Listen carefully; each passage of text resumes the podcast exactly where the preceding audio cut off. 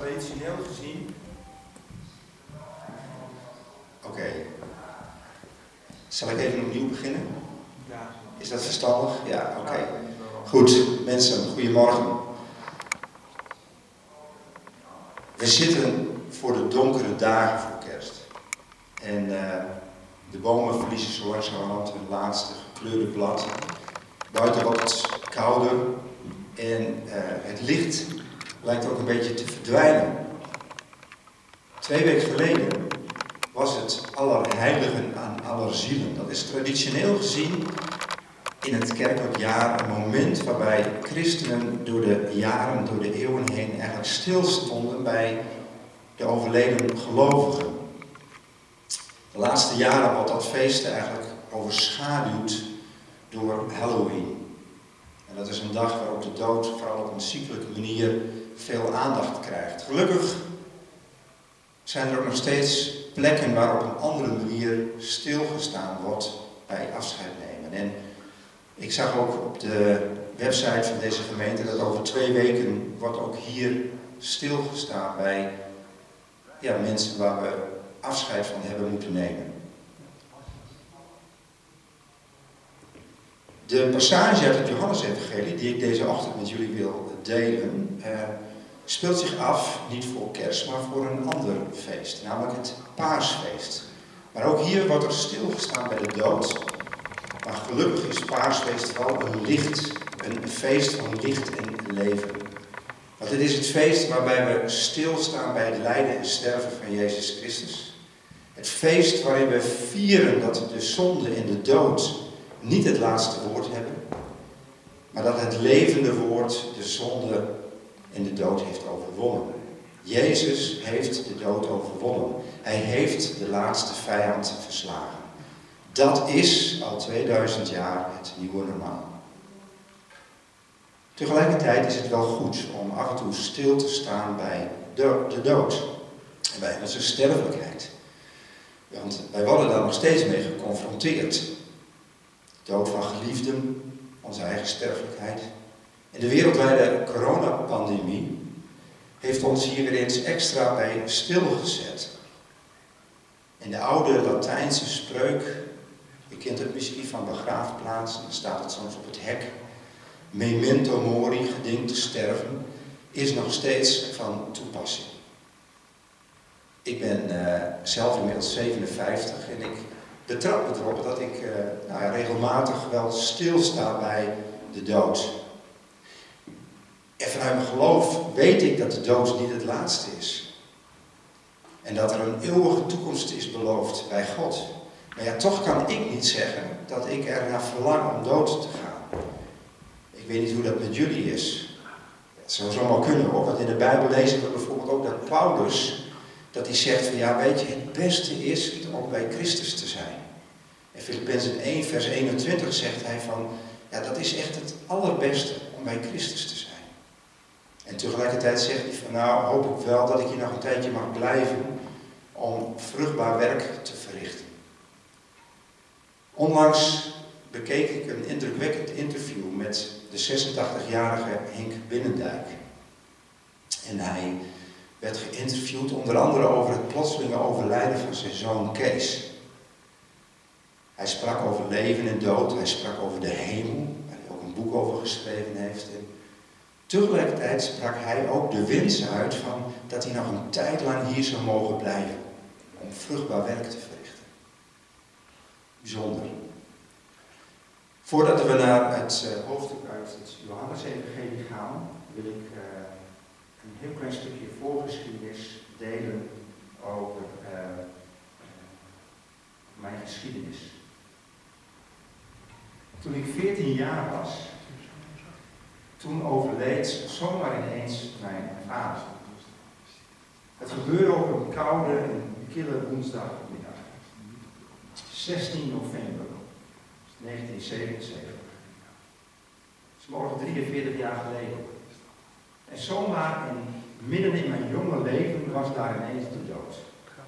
En tot dat moment had ik eigenlijk altijd geleefd in een soort naïeve onschuld.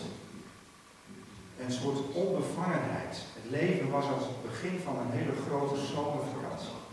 zonnig, eindeloos. Het was gewoon goed. En ineens was daar de dood. En in de jaren na het overlijden van mijn vader heb ik regelmatig last gehad van somberheid en depressiviteit. Natuurlijk genoot ik van heel veel dingen en was, was en ben ik super gelukkig met mijn vrouw en kinderen. Heel vaak was daar een schaduw, dat besef dat het allemaal ineens voorbij kan zijn. En ik weet zeker dat er nu ook mannen en vrouwen zitten te kijken en te luisteren die dit herkennen, die dit ook kennen. Want vroeg of laat komen we dit tegen. De letterlijke dood, maar ook periodes van doodsheid. Periodes waarin het leven stil lijkt te staan. En misschien is dit, deze huidige tijd, misschien is dit op dit moment wel zo'n periode voor jou.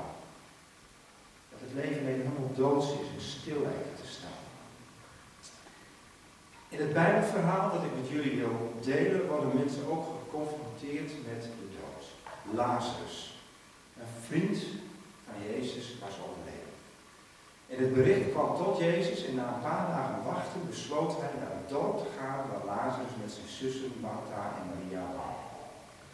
En in dit verhaal, wat we zo meteen een aantal versen gaan lezen, vertelt ons een aantal zaken.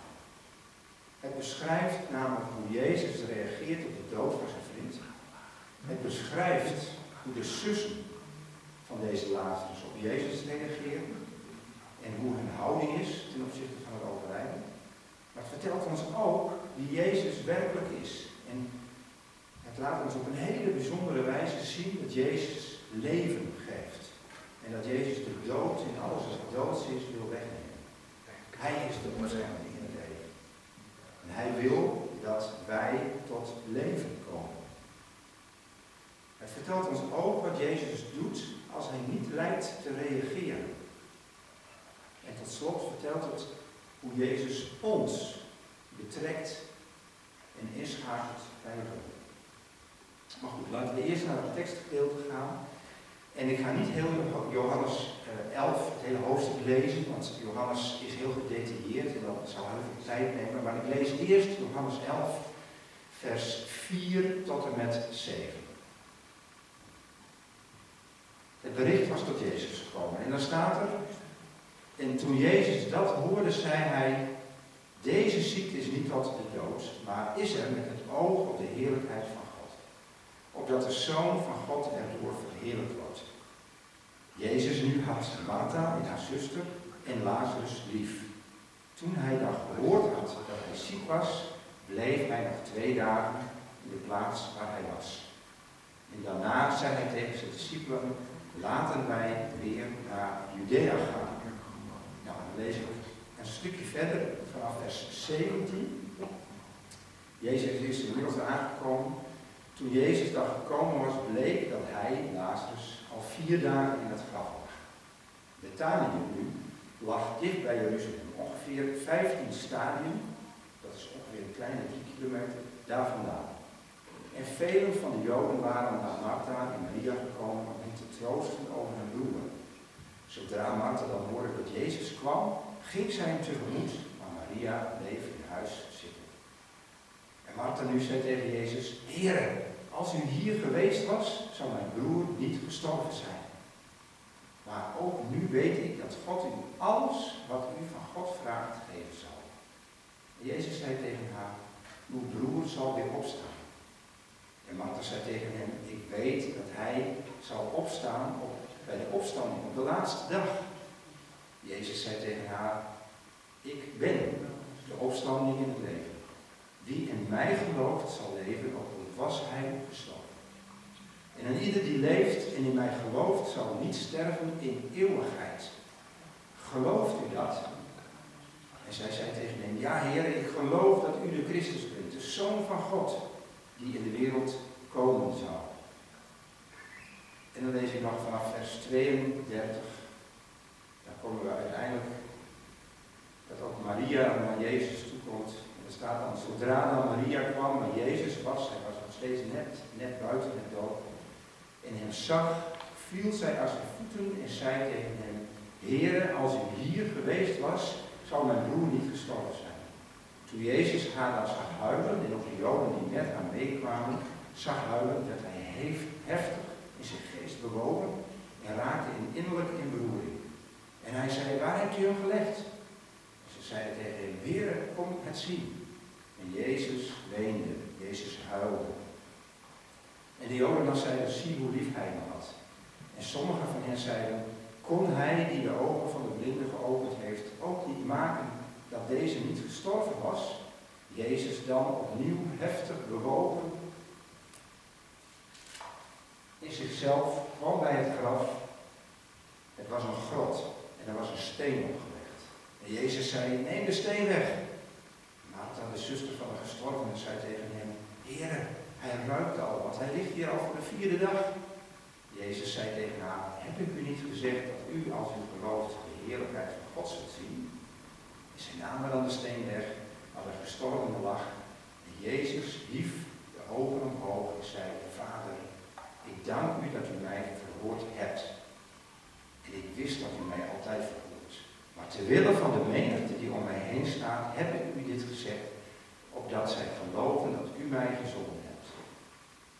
En toen hij dit gezegd had, riep hij met een luide stem, Lazarus, kom naar buiten. En de gestorvene kwam naar buiten, gebonden aan handen en voeten, met grafdoeken. En zijn gezicht was omwonden met een zweep. En Jezus zei tegen hem, maak hem los en laat hem weggaan.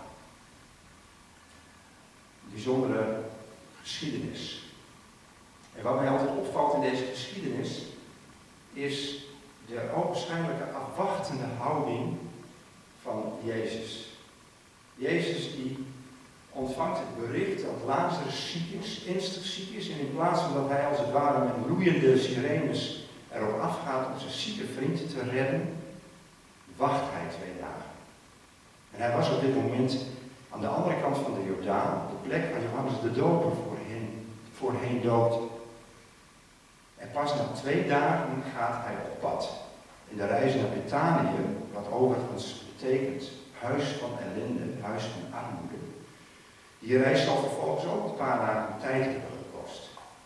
En als Jezus dan in de buurt van dit dorp is, blijkt zijn vriend inmiddels al vier dagen in een graf te liggen. En eerst komt Martha naar hem toe en later ook Maria en ze lijken hem allebei verwijt te maken. hoe herkenbaar is dat? Waarom, Heer, was u hier niet eerder? Waarom heeft u gewacht? Wat was er zo belangrijk dat u niet direct vertrokken bent? Ze lijken teleurgesteld en verward en tegelijkertijd blijven ze in hem geloven. Martha beleidt dat hij de Messias is en gelooft dat ze haar broer uiteindelijk zal opstaan. Ik vind het prachtig hoe zij aan de ene kant het lef heeft om uiting te geven aan haar teleurstelling en daarnaast volop vertrouwen en geloof in Jezus ook beleidt. Hoe herkenbaar dat je aan de ene kant intens verdriet kunt hebben op het moment dat je afscheid moet nemen van een geliefde en tegelijkertijd vol overtuigend gelooft dat wij voor eeuwig zullen blijven leven bij. Jezus heeft aan zijn leerlingen uitgelegd dat deze ziekte niet tot de dood zal leiden, maar dat deze situatie gebeurt met het oog op de heerlijkheid van God. Opdat de Zoon van God erdoor verheerlijkt wordt. Maar toch heeft hij twee dagen gewacht. En dat, dat triggerde mij. Wat deed Jezus gedurende deze twee dagen? Het evangelie lijkt er niet zo heel veel over te vertellen. Alhoewel, wat doet Jezus als hij zich terugtrekt? Wat doet Jezus als hij ogenschijnlijk even verdwijnt? Als hij de stilte opzoekt? Als hij even niet bereikbaar is? Wat doet Jezus op deze ogenschijnlijke stille dagen? Jezus bidt. Ik geloof dat hij deze dagen vooral gebruikt heeft om te bidden. Want later lezen we in vers 41 dat hij zijn vader dankt dat hij hem gehoord heeft. Hij zegt niet alleen van vader, ik dank u dat u mij nu hoort, maar dat hij hem gehoord heeft. Zijn gebeden zijn verhoord. Ook als het lijkt dat Jezus niet in actie komt. Ook als je denkt van waar blijft hij? Waarom gebeurt er niks? Is hij actief betrokken op ons leven?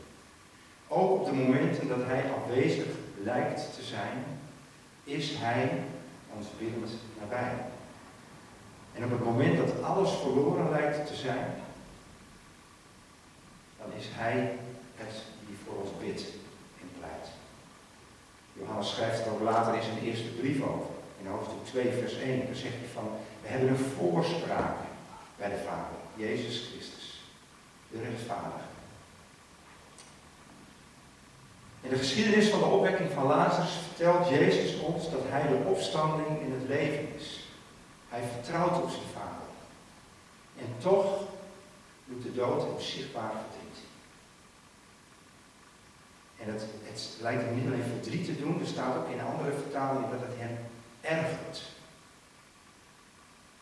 De dood heeft zo'n impact op mensen dat hij, hij is er niet alleen verdrietig om, hij ergert zich ondanks dat hij weet dat hij Lazarus zal opwekken, huilt hij.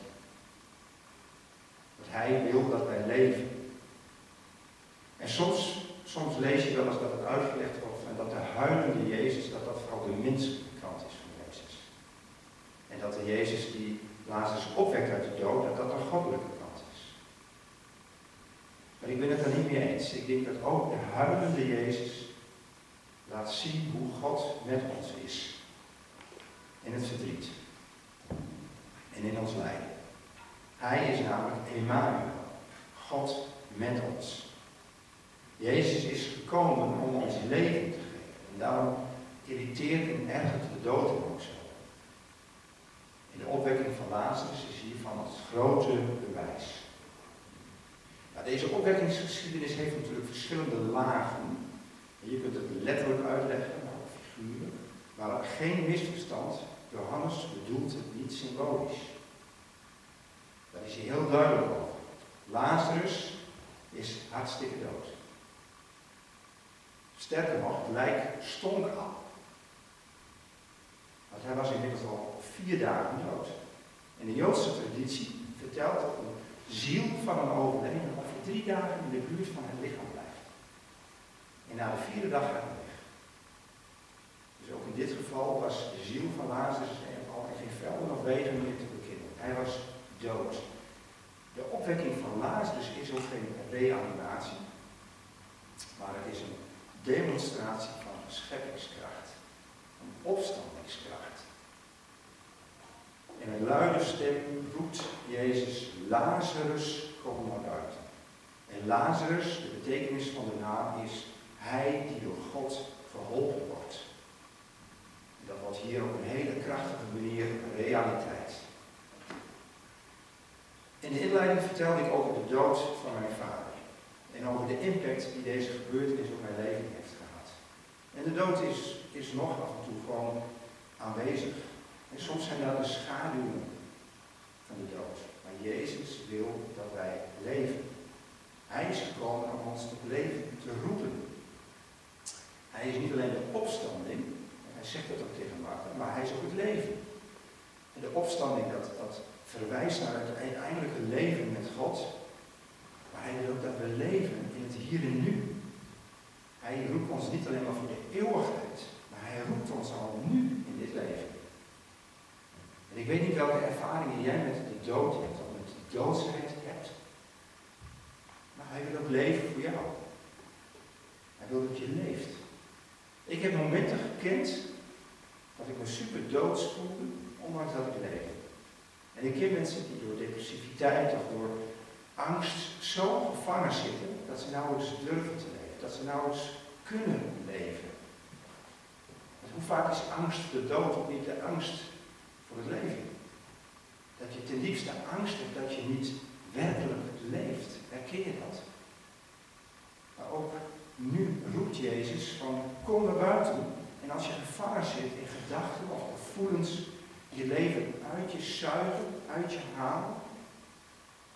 Als je je dor en dood voelt, dan zegt hij met luide stem, kom naar buiten. Jezus roept, kom naar buiten. zitten we gevangen in zorg, in zonde, in onverschilligheid en dan lijkt het leven zelf wel een soort graf. De Engelse dichter en theoloog uit de 16e eeuw, John Donne, schreef: Ik heb een graf van zonde. Dat klinkt heel zwaar. Maar hij zegt: Ik heb een graf van zonde. En waar Lazarus vier dagen verbleef, was het bij mij 50 jaar. Waarom roept u mij niet zoals u hem riep? Ik heb uw donderstem nodig, o mijn God. Uw muziek is niet genoeg. Daarom roept Jezus op een luide stem. Soms hebben we zijn donderstem nodig, omdat we doof zijn geworden voor zijn fluisteren en voor zijn spreken. De bekende schrijver C.S. Lewis schreef, God fluistert tot ons in onze vreugde. Hij spreekt tot ons in ons geweten. Maar hij roept keihard in ons lijden. Dat lijden is zijn megafoon om een dove wereld wakker te roepen. En met tranen in zijn ogen van verdriet roept Jezus, neem die steen weg. En later roept hij, kom naar buiten. En stel je eens voor dat je daar staat. Stel je eens voor dat je daar bij het graf staat. En vol verbazing en misschien wel een beetje met afschuw word je weer getuige van het feit dat het graf geopend wordt. Ik probeer me dat wel eens voor te stellen, dat je daarbij bent. Wat zou je ervan vinden? En ineens ruik je die lijkgeur. En dan zie je ineens in het donker zie je iets bewegen. En je kunt je ogen haast niet geloven. Maar daar komt Lazarus, strompelend het graf uit. Als een soort zombie in een slechte horrorfilm. Ik had het aan het begin over Halloween. Nou, ik denk dat Lazarus heel goed zich zou kunnen hebben verkleding bij het Halloween-feest. Hij komt aan het buiten en terwijl je met ongeloof in verbijstering staat te kijken, hoor je Jezus roepen, maak hem los. Maak de doeken los en laat hem gaan. En dat is eigenlijk heel bijzonder. Daar wil ik nu aan het eind nog even aandacht op richten. Jezus is degene die het wonder verricht door de kracht die God hem geeft.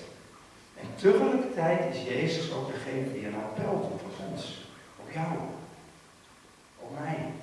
Jezus roept ons. En in deze hele geschiedenis zou je kunnen zeggen dat Jezus vier keer een appel doet. De eerste appel is eigenlijk dat hij, is wat hij doet naar Martha Dat hij zegt van, hé, hey, kun je in het licht in de schaduw, beter gezegd, van de dood, toch nog geloven dat ik de opstanding in het leven ben. En dan zegt hij niets van, hé hey Martha, je moet dat geloven. Nee, hij zegt, kun je dat geloven, Martha? En dan zegt ze, ja, dat kan ik geloven. Kun je nog geloven dat hij de opstanding in het leven is, ook in de schaduw van verdriet en van ellende? Ja, zegt Martha, dat kan ik geloven. Dat is het eerste appel. En het tweede appel, wat hij doet in deze geschiedenis, is het appel wat hij doet op de omstanders. En dat is nogal wat. Hè. Ze staan daar bij het graf en hij zegt van, rol die steen weg. En daar waar een korte tijd later de steen weggerold is, Jezus zelf opstaat uit het graf, moeten hier de omstanders moeten dat doen. Zij moeten de steen wegrollen met de wetenschap dat daar een lijk ligt, zegt hij van, hé, doe dat. En ik vind dat zo mooi, dat hoe vaak zijn wij juist niet bezig met stenen op te werpen, muren te bouwen, mensen weg te stoppen in ons vooroordeel. Mensen eigenlijk te disqualificeren. Nee, zegt Jezus, werp geen stenen op, maar rol stenen weg. Zodat mijn stem verstaan kan worden zodat ik degene die in dat graf zit kan roepen.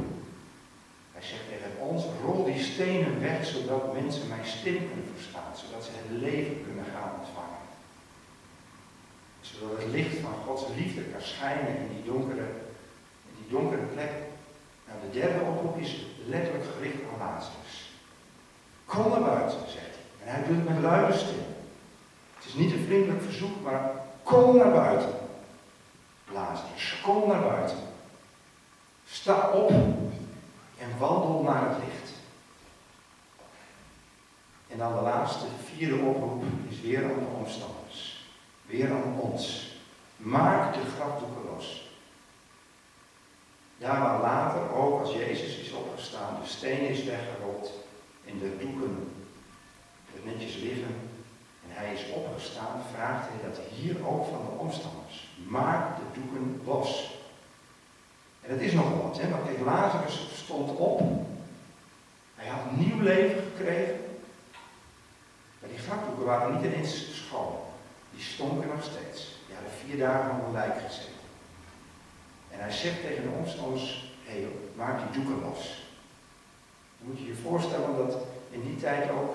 lijk ook niet aanraken, dat je onrein.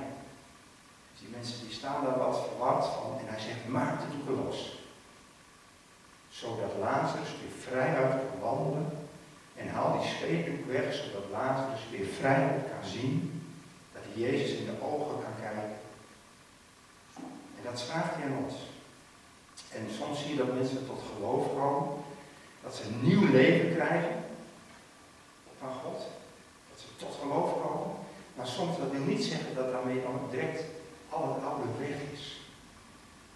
maakt wel eens mee dat iemand tot geloof komt en toch blijft worstelen met depressiviteit.